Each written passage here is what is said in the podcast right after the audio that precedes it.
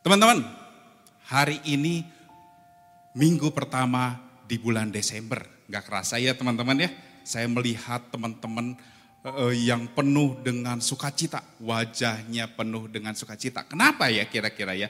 Apakah mau mendekati libur akhir tahun atau apa ya?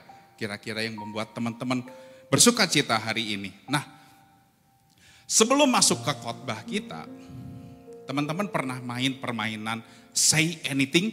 Ada yang tahu? Hah?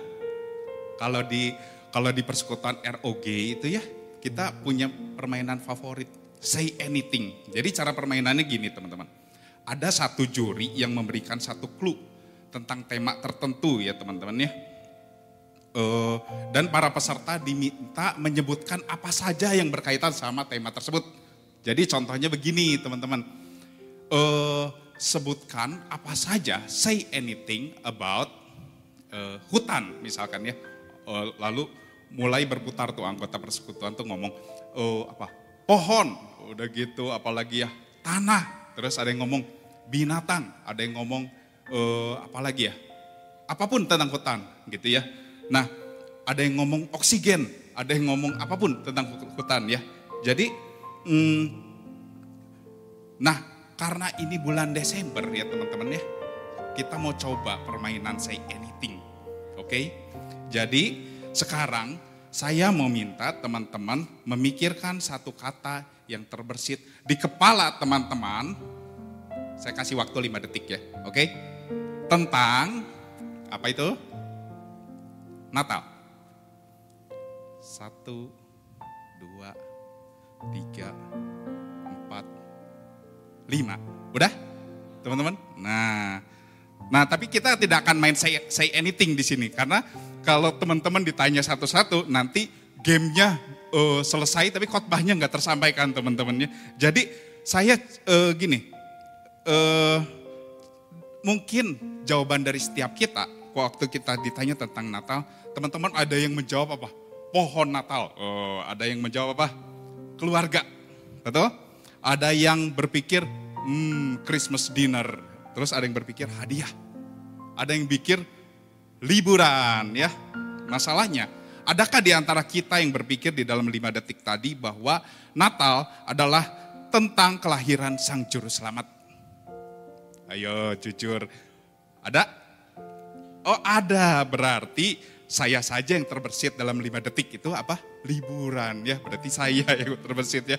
Nah, Natal, waktu kelahiran Tuhan kita, itu dirayakan di dunia ini teman-teman. Namun sering kali kita melupakan maknanya. Teman-teman tahu sejarah tentang uh, apa itu tahun Masehi. Kalau kita hari ini hidup di tahun 2023 Masehi, ya artinya 2023 sejak kelahiran Yesus di muka bumi ini teman-teman. Masehi, sebutan penanggalan yang ditetapkan kekaisaran Romawi, yaitu pada kalender Gregorius. ya. Masehi itu artinya apa? Ada yang tahu? Mesias. Ya. Mesias atau juru selamat atau disebut di dalam bahasa Inggris Anno Domini. Nah, ini Anno Domini ya, yang artinya tahun Tuhan. Jadi kelahiran Kristus teman-teman ya, dianggap sebagai awal atau titik nol di dalam tonggak sejarah manusia di muka bumi ini. Sebelum Yesus lahir, itu disebutkan di dalam bahasa Inggris apa? BC atau sebelum Masehi atau before Christ. Jadi teman-teman, seharusnya kita tuh patut berbangga. Karena seluruh dunia ternyata merayakan tahun-tahun kelahiran Sang Juru Selamat. Dari tahun ke tahun. Itu artinya apa? Seluruh dunia mengakui kelahiran Kristus menjadi sejarah dari peradaban dunia dari masa ke masa. Nah, sekarang ada kuis teman-teman ya. Wah, ada kuis nih. Nanti belum. Sekarang clue-nya malah ditunjukin. Nah, sekarang ada kuis teman-teman. Di kitab apa berita Natal pertama kali disebutkan di dalam Alkitab? Hah? Apa? Oh iya, udah tahu ya. Mungkin teman-teman berpikir berita Natal itu apa? Di Matius. Ya, mungkin di perjanjian baru baru tersampaikan berita Natal. Tapi asal kita tahu ya bahwa berita Natal itu pertama kali dituliskan di Kejadian 3 ayat 15. Seketika setelah manusia jatuh ke dalam dosa, Tuhan menyatakan janjinya akan peristiwa Natal, yaitu aku akan mengadakan permusuhan antara keturunanmu dan keturunannya, teman-teman. Keturunannya akan meremukkan kepalamu dan engkau akan meremukkan tumitnya. Ini adalah janji yang diteruskan dari zaman ke zaman, teman-teman. Di dalam Alkitab yaitu janji tentang kelahiran sang juru selamat. Sehingga setiap orang yang berharap pada peristiwa Natal ini akan diselamatkan. Ada pertanyaan seperti ini. Kita semua orang percaya Yesus kan yang akan diselamatkan, betul nggak? Tapi bagaimana halnya dengan orang yang lahir sebelum zaman Yesus? Bagaimana cara mereka diselamatkan? Jawabannya, mereka diselamatkan adalah mereka yang menanti-nantikan kelahiran Yesus. Dan mereka yang diselamatkan pada zaman Yesus adalah mereka yang percaya pada Yesus saat itu. Dan mereka yang diselamatkan setelah zaman Yesus adalah mereka yang percaya pada peristiwa Natal itu. Jadi teman-teman, eh, ketika kita tahu bahwa peristiwa Natal, Natal itu menjadi center, itu menjadi titik nol di dalam sejarah peradaban dunia ini teman-teman. Jadi seperti eh, makna dari tahun Masehi tadi, peristiwa kelahiran Yesus itu menjadi inti cerita yang sama tentang karya keselamatan dari masa ke masa. Itu keren teman-teman. Makanya teman-teman pernah dengar oh, cerita tentang peradaban-peradaban kuno yang mempersembahkan korban nggak? Suku Aztec misalkan ya, suku primitif mereka mempersembahkan orang disembelih mungkin ya atau korban-korban disembelih sembelih ya. Kenapa ya bisa, bisa begitu mirip ya? Di Eropa ada cerita itu, di Amerika ada cerita itu, di Asia ada, di Indonesia ada Bahkan di tetangga sebelah kita juga ada cerita tentang persembahan domba. Hewan yang disembelih, teman-teman. Tahu nggak kenapa? Kalau teman-teman baca di dalam kitab kejadian, segera setelah Tuhan, secara setelah Tuhan mengusir Adam dan Hawa keluar dari Taman Eden, apa yang Tuhan berikan? Tuhan memberikan pakaian dari kulit hewan yang disembelih teman-teman. Itulah janji tentang sang juru selamat yang dinanti-nantikan oleh suku-suku bangsa teman-teman. Yaitu janji tentang korban yang menggantikan dosa mereka, yang menutupi dosa mereka. Dari abad ke abad, suku bangsa ini sebetulnya punya gambaran tentang karya keselamatan juru selamat. Di mana pun suku bangsa itu. Tapi sayangnya mereka gagal untuk mengerti siapa juru selamat yang sebenarnya. Nah inilah teman-teman mm, yang dikatakan bahwa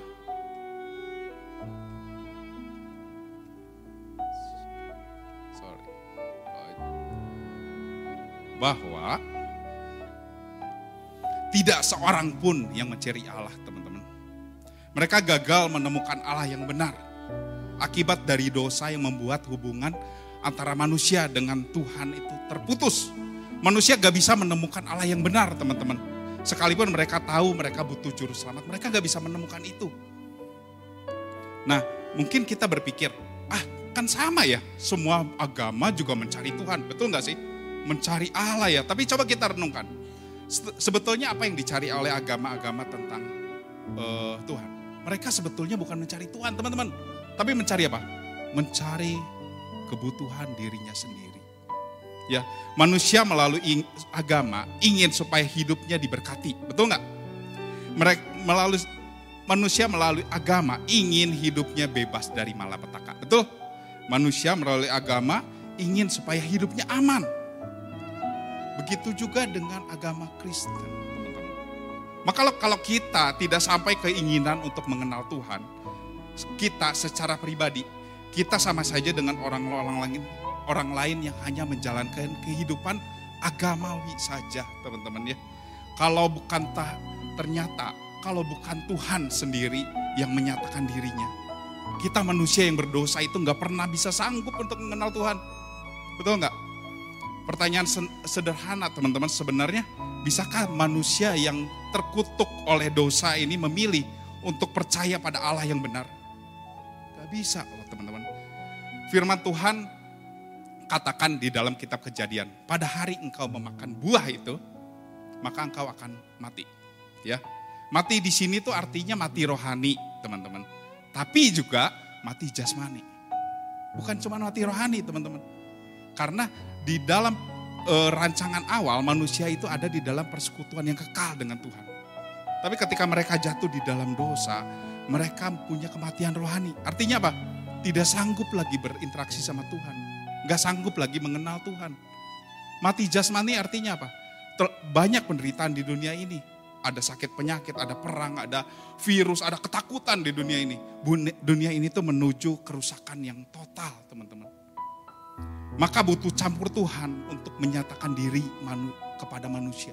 Kita tuh nggak sanggup, teman-teman. Sebetulnya untuk mengenal Tuhan tuh kita tuh tidak sanggup. Maka dari sini cerita itu dimulai. Yaitu ketika Yesus lahir di palungan di Bethlehem. Itulah titik nol teman-teman. Di dalam semua cerita ini. Pertanyaan penting yang perlu kita renungkan tentang peristiwa kelahiran Yesus di Bethlehem. Kenapa palungan? Bukan kasur yang nyaman, teman-teman. Kenapa Yesus memilih lahir di palungan? Kenapa Bethlehem sebuah kota yang kecil, teman-teman? Bukan Yerusalem, pusat kota saat itu. Dan kenapa Maria bukan orang yang kaya, teman-teman? Ada sebuah sikap yang Yesus ambil ketika dia lahir di dunia ini, di dunia ini yaitu ia merendahkan dirinya. Sekalipun ia adalah Allah, teman-teman. Bukan hanya sekedar menjadi manusia, tapi ia lahir di dalam keluarga yang sederhana, di palungan yang hina. Menjadi manusia saja sebetulnya udah merupakan penghinaan bagi Tuhan menjadi manusia. Apalagi menempatkan diri sebagai yang paling hina di antara manusia. Mungkin sangat jarang, bahkan gak ada teman-teman. Orang yang lahir di kandang binatang. Tidak ada teman-teman. Kenapa? Tuhan yang punya segalanya, dia memilih lahir di kandang binatang. Apa yang diplanningkan oleh Tuhan? Kalau kita lihat bagaimana kita belajar tentang kelahiran Yesus di dunia ini, Yesus merendahkan dirinya, teman-teman itu sebuah sikap yang ada di dalam makna Natal. Dia merendahkan dirinya. Filipi 2 ayat 8 mengatakan bahwa di dalam keadaan sebagai manusia, ia telah merendahkan dirinya dan taat sampai mati, mati bahkan mati di kayu salib. Dari awal perjalanan hidupnya sampai akhir, dia memilih untuk hidup di dalam kesederhanaan. Sebuah sikap yang sering kali terlupakan di dalam uh, makna Natal itu, yaitu sikap yang merendahkan diri. Allah yang tinggi, yang tidak tercapai oleh berbagai usaha manusia itu mau merendahkan diri buat kita semua teman-teman. Bahkan di dalam posisi yang serendah-rendahnya supaya kita manusia berdosa itu bisa mengenal Allah. Maka pada peristiwa Natal, Allah berkenan untuk menyatakan dirinya kepada orang-orang berdosa. Kalau teman-teman lihat, kepada siapa malaikat pertama kali menyatakan dirinya tentang kelahiran Sang Juru Selamat. Para gembala. Teman-teman tahu, tahu para gembala? Ya. Kenapa bukan seorang raja, teman-teman? Kenapa bukan imam? Kenapa bukan orang kaya? Kenapa bukan orang terpandang? Tapi gembala. Teman-teman tahu nggak? Gembala itu adalah profesi terendah saat itu. Kalau teman-teman tidak punya, kalau hari itu orang-orang tidak punya pekerjaan, maka mereka akan menjadi gembala. Itu pekerjaan yang paling sederhana, teman-teman. Apa malaikat lupa menyatakan menyalakan GPS sehingga ketemunya gembala, teman-teman? Enggak sengaja atau salah alamat? Tentunya enggak, teman-teman, karena ini direncanakan oleh Allah sendiri. Gembala dengan kasta yang paling rendah itu uh, adalah bagian dari rencana Allah sendiri. Teman-teman, coba kita lihat bagaimana Tuhan memanggil orang-orang yang berprofesi sebagai gembala. Daud, ya, ketika dia tidak dipandang oleh siapa pun, dia ada di mana? Lagi menggembalakan kambing domba ya teman-teman ya.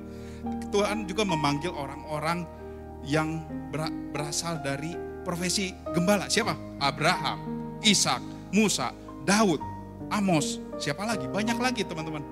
Dari profesi yang tidak dipandang oleh orang. Maka ketika Tuhan menyampaikan berita kesukaan itu pada para gembala yang mau menyatakan bahwa ia mau berkarya terlebih dahulu pada orang-orang yang lemah dan yang tidak dianggap oleh dunia ini. Itu makna dari Natal. Dia mau menyatakan kepada kita yang lemah. Kita belajar di dalam kelemahanlah kuasa Tuhan menjadi nyata. Di dalam keterbatasanlah Tuhan itu bekerja teman-teman.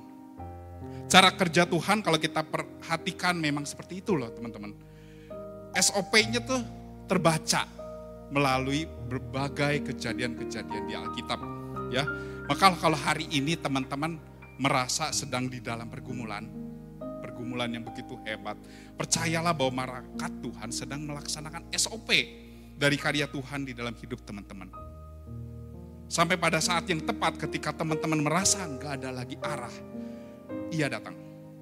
Ketika kita menyatakan pada Tuhan, Tuhan aku tidak sanggup lagi, Tuhan nggak ada jalan keluar, ia baru datang.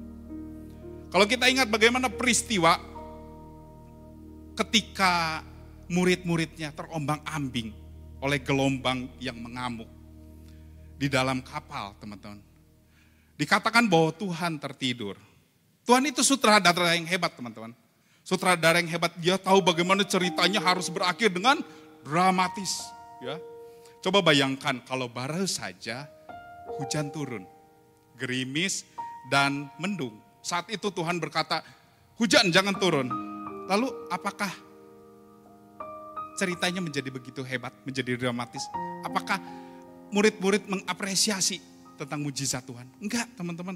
Coba kalau si janda miskin, ya, yang hanya tinggal e, sisa uang di dalam hidupnya itu dua peser duit. Ternyata dia nggak punya, bukan cuma punya dua peser duit, dia punya deposito dua miliar lagi teman-teman.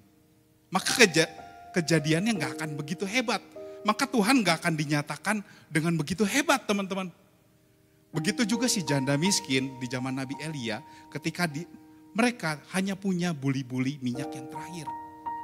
Kalau itu bukan buli-buli minyak yang terakhir ya, Tuhan gak akan berkarya begitu hebat teman-teman. Jadi apa yang kita pelajari hari ini? Sama seperti peristiwa menatal. Yesus hadir di dunia dalam kesederhanaan teman-teman. Allah bekerja di dalam kelemahan kita, bukan di dalam kekuatan kita teman-teman. Jadi kalau teman-teman hari ini punya pergumulan yang berat, Artinya Tuhan sangat mengasihi kita.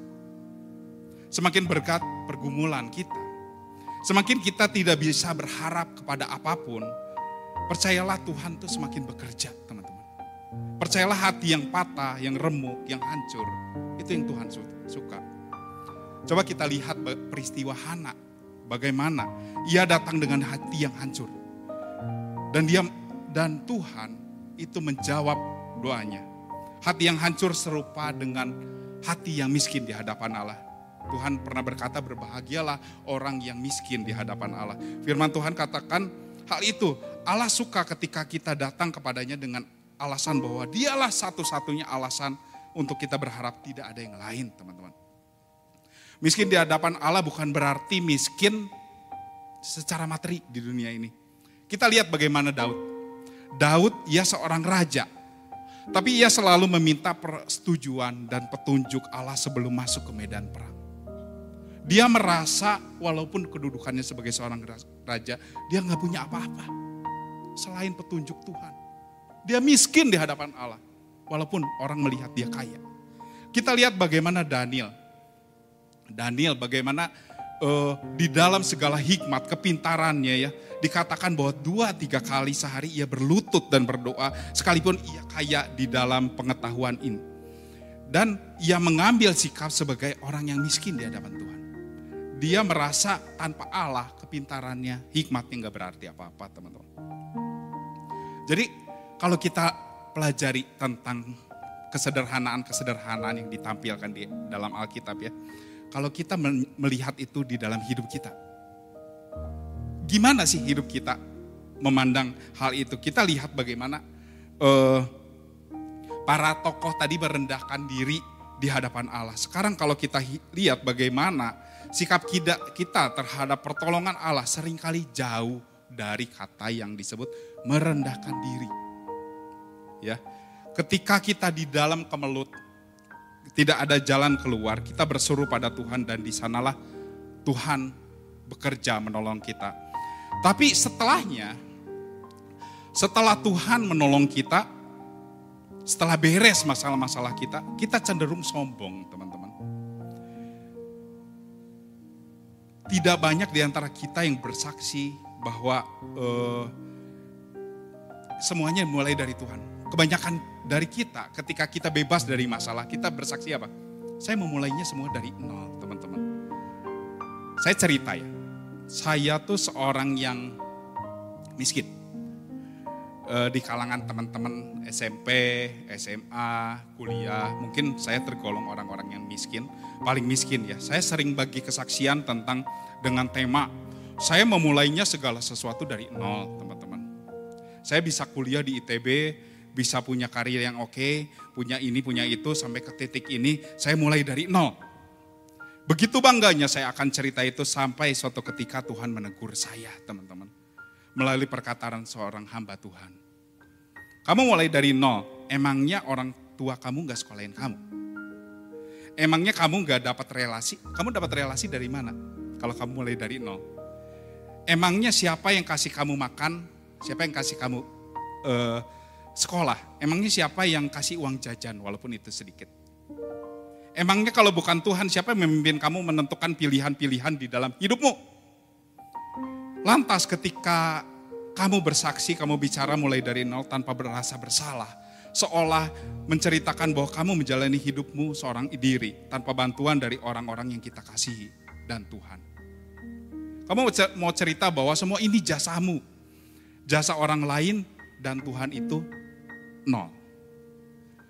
Ketika kita ketika saya di situ saya tersadar ya bahwa sebenarnya kita tuh tidak layak kita berkata kita mulai segala sesuatu tuh dari nol teman-teman. Di dalam Tuhan, sekalipun dalam keadaan yang terendah sekalipun, kita tidak memulainya dari nol. Kenapa? Karena ada roh kudus yang senantiasa menolong kita melewati semua permasalahan-permasalahan dalam hidup kita. Dan itu modal yang cukup, yang jauh dari nol. Kita sering kali sombong, bahkan di dalam kelemahan kita. Kita sombong. Ya, jauh dari kesederhanaan yang Yesus teladankan. Kita sering kali playing victim, teman-teman tahu playing victim? Merasa diri itu paling menderita. Merasa eh, kita sombong di dalam penderitaan kita, teman-teman. Kita merasa paling miskin, paling bodoh, paling dibully, paling tersakiti, dan kita ceritakan pada orang-orang tentang hal itu. Kita lupa menceritakan sekalipun kita lemah. Kita punya Tuhan yang hebat yang menolong kita. Kita sombong karena kita menganggap diri kita mulai dari nol, teman-teman. Kita nggak punya apa-apa selain dari kemampuan diri sendiri untuk bisa keluar dari posisi itu. Seharusnya titik nol kita adalah ketika kita bertemu dengan Yesus. Yaitu peristiwa kelahiran baru. Saya ulangi ya. Seharusnya titik nol di dalam hidup kita itu adalah ketika kita bertemu dengan Yesus. Yaitu peristiwa kelahiran baru kesombongan yang lain, teman-teman. Yang jauh dari arti kesederhanaan. Kesombongan lain contohnya tentang perkataan mengklaim sesuatu melalui iman kita. Sering mendengar bahkan sering saya lakukan mungkin ya dengan pernyataan, saya klaim janji-janjinya Tuhan terjadilah di dalam hidupku dengan suara yang lantang dan tegas. Pertanyaannya, coba kita renungkan kembali, siapa yang ngajarin klaim mengklaim. Karena kalau kita telusuri gerakan klaim mengklaim itu baru-baru muncul tahun-tahun belakangan ini. Itu gerakan yang disebut name it and claim it. Sebutkan dan klaim itu. Itu bukan Alkitabiah teman-teman. Kata klaim mungkin dekat dengan dunia asuransi teman-teman. Misalnya kita beli asuransi ya, begitu sakit, masuk rumah sakit, kita perlu mengklaim asuransi. Kalau kita lupa mengklaim, maka pihak asuransi juga tidak akan menanggung biaya rumah sakit tersebut ya. Pertanyaannya, apakah janji Tuhan perlu kita klaim? Karena jangan-jangan Tuhan lupa untuk memelihara hidup kita. Bagaimana dengan ayat bahwa Tuhanku tidak akan memberi batu kepada yang minta roti? Apakah dia lupa memberi roti pada anak-anak Tuhan yang mengklaim janji-janjinya? Apakah dia lupa teman-teman? Coba kita renungkan kembali. Malah sering kali Tuhan dengan sengaja tidak mengambil mengabulkan doa kita, permintaan kita. Karena kita bukan mengklaim roti itu, tapi justru mengklaim batu-batu itu di dalam hidup kita, teman. Tuhan berikanlah roti-roti itu padaku, padahal itu batu. Kita berdoa untuk sebuah materi, kita berdoa untuk kenyamanan hidup, tapi Tuhan tidak jawab. Karena ia tahu bahwa materi itu akan menjauhkan kita dari Tuhan. Itulah batu, itu bukan roti teman-teman. Coba kita lihat bagaimana orang meminta pada Tuhan di dalam Alkitab. E, dikatakan tentang sebuah peristiwa, orang dengan sakit kusta dia datang sama Tuhan. Ada percakapan seperti ini teman-teman. Maka datanglah seorang yang sakit kusta kepadanya lalu sujud menyembah dia dan berkata, Tuhan jika Tuhan mau Tuhan dapat mentahirkan aku. Lalu Yesus mengulurkan tangannya menjama orang itu dan berkata, aku mau jadilah engkau tahir seketika itu juga tahirlah orang itu dari kustanya. Apa yang kita pelajari? Coba kita sama-sama merenungkan ya tentang uh, kenapa orang itu tidak berkata seperti ini? Tuhan, aku klaim aku tahir. Mungkin Tuhan juga akan berkata, kapan kamu beli asuransi sama aku? Kamu sembuh karena perkenananku, kok bukan karena asuransi, bukan karena klaim kamu. Jadi yang terpenting bukanlah klaim. Apa yang kita inginkan dan mencari kehendak Tuhan terlebih dahulu. Tapi mencari kehendak Tuhan terlebih dahulu teman-teman. Bukan apa yang kita inginkan. Jadi ada sebuah perumpamaan tentang hal ini ya. Ada dua buah kapal yang terapung-apung di lautan teman-teman. Saat itu lautan itu begitu gelap karena ada badai di sana. Orang-orang gak bisa lihat apa pun selain kabut. Dan di situ ada dua buah kapal.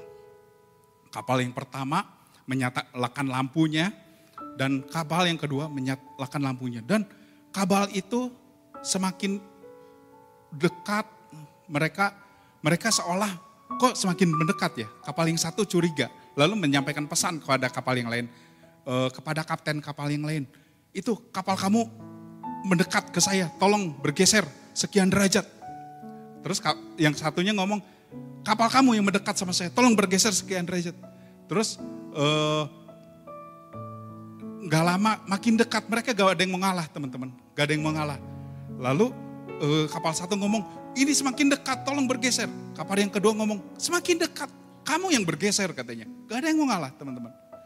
Uh, semakin berdekat, mendekat, mendekat dan udah hampir bertabrakan teman-teman. Udah hampir bertabrakan, kapal yang satu ngomong, tolong bergeser sekarang juga, sekarang juga. Yang kapal yang kedua, gak bisa bergeser, kamu yang bergeser. Dan semakin dekat, semakin dekat, ternyata yang satu kapal yang satu mercusuar teman-teman. Yang satu yang satu kapal, yang satu gak bisa bergeser teman-teman. Begitu kehendak kita dengan kehendak Tuhan. Seringkali kita memaksakan kehendak kita kepada Tuhan. Kita mau kehendak Tuhan yang bergeser dalam hidup kita. Kita sombong, kita tidak tahu diri karena menempatkan posisi kita di tempat yang tinggi di hadapan Tuhan. Tuhan, aku merasa aku layak untuk ini. Kita mau Tuhan yang bergeser Bukan aku yang bergeser teman-teman. Dan kita menjadi kecewa, kita marah pada Tuhan ketika apa yang kita doakan itu tidak terjadi teman-teman. Padahal kehendak kita lah yang harusnya berubah, bukan kehendak Tuhan. Bagaimana ternyata sikap kita tuh sering jauh dari merendahkan diri di, di pada kehendak Tuhan. Yang seperti yang diteladani oleh Yesus. Seperti yang diteladani para tokoh-tokoh di dalam Alkitab Teman-teman kalau hari ini kita uh, masuk di bulan Desember ya, bulan terakhir. Coba kita renungkan sama-sama mungkin uh, banyak di antara kita yang merasa bahwa banyak rencana, resolusi di awal tahun yang tidak tercapai teman-teman ya. Sehingga kita kehilangan sukacita itu. Kita mendarat di bulan ini dengan satu kondisi yang sudah babak belur teman-teman. Dengan semua penderitaan, dengan semua harapan yang gak tercapai ya. Dalam suasana menyiapkan momen Natal, yuk kita belajar teman-teman. Eh, bagaimana Yesus telah lahir ke dunia ini. Kita belajar bagaimana kita belajar tentang Yesus yang merendahkan diri. Maka kita pun harus merendahkan diri kepada kehendaknya. Kalau kita hidup mengejar kehendaknya, maka harusnya tidak ada hal apa pun yang mengecewakan kita Bagaimana kalau kita memandang Natal hari ini teman-teman? Apakah itu masih bermakna untuk kita? Yuk kita merenungkan kembali. Atau kita sebenarnya merasa biasa-biasa saja. Desember ini biasa-biasa aja. Gak ada hal yang penting tentang kelahiran Sang Juru Selamat itu. Tidak ada hal yang begitu berarti dalam hidup saya. Tidak ada sukacita di bulan Desember ini. Perlu kita nilai diri kita sendiri teman-teman. Mungkin kita melewati Natal dari tahun ke tahun ya tanpa perasaan yang berbeda. Semuanya flat, stabil, gak begitu antusias, tidak terlalu bersuka cita, hanya sebatas perayaan teman-teman. Itu artinya kita mungkin memandang remeh dosa-dosa kita. Dan kita merasa pantas untuk diselamatkan. Dan lebih dari itu kita berpikir seharusnya Tuhan memberi lebih banyak di luar karya penebusannya. Sebanding dengan apa yang kita lakukan. Kita berpikir bahwa hubungan kita sama Tuhan itu transaksional. Tuhan saya sudah melakukan ini, ini, ini. Tuhan harus menjawab saya. Kita merasa Tuhan berhutang sama kita teman-teman. Kalau kita merasa bahwa penubusannya nggak pernah cukup Tuhan. Eh, teman-teman, tidak ada hal apa pun di dunia ini yang bisa mencukupkan kita. Kalau, saya ulangi, kalau kita merasa penubusannya tidak pernah cukup. Tidak ada hal apa pun di dunia ini yang bisa mencukupkan kita. Kita perlu menyadari bahwa sering kali kita lupa kita lupa merendahkan diri kita pada kehendak Allah. Kita uh, kita selalu datang untuk menyambut hari Natal itu tidak lagi dengan hati yang sukacita, teman-teman. Uh, maka hal yang terpenting buat kita berikutnya adalah respon hati kita terhadap makna Natal sehingga kita peduli pada teman-teman kita supaya Yesus, uh, Yesus juga hadir di dalam hati mereka. Kita adalah dutanya Allah, tugas kita memperkenalkan makna Natal yang sesungguhnya di sekolah-sekolah dan di kampus-kampus teman-teman. Satu pertanyaan untuk kita semua. Apakah kita semua merasakan sukacita menjelang hari Natal? Boleh teman-teman jawab dengan jujur. Apakah kita menentukan kita bersukacita dalam menentukan dalam menutup tahun ini? Kita bersukacita Apakah kita bersuka cita karena apa yang kita inginkan tercapai? Atau justru kita tidak bersuka cita karena ada banyak hal buruk di tahun ini teman-teman. Mungkin teman-teman menjalani tahun ini dengan uh, tidak mulus di dalam studi, di dalam cita-cita, di dalam pertemanan. Teman-teman, sukacita Natal adalah tentang kelahirannya di dalam hidup kita. Yesus telah hadir di dunia ini merendahkan dirinya sebagai manusia sehingga kita bisa mengenal Allah yang benar. Itulah sukacita yang terbesar dan sejati. Jadi kalau itu tidak menjadi sukacita yang terutama, maka tidak ada hal apa pun di dunia ini yang membuat kita bersyukur dan bersukacita.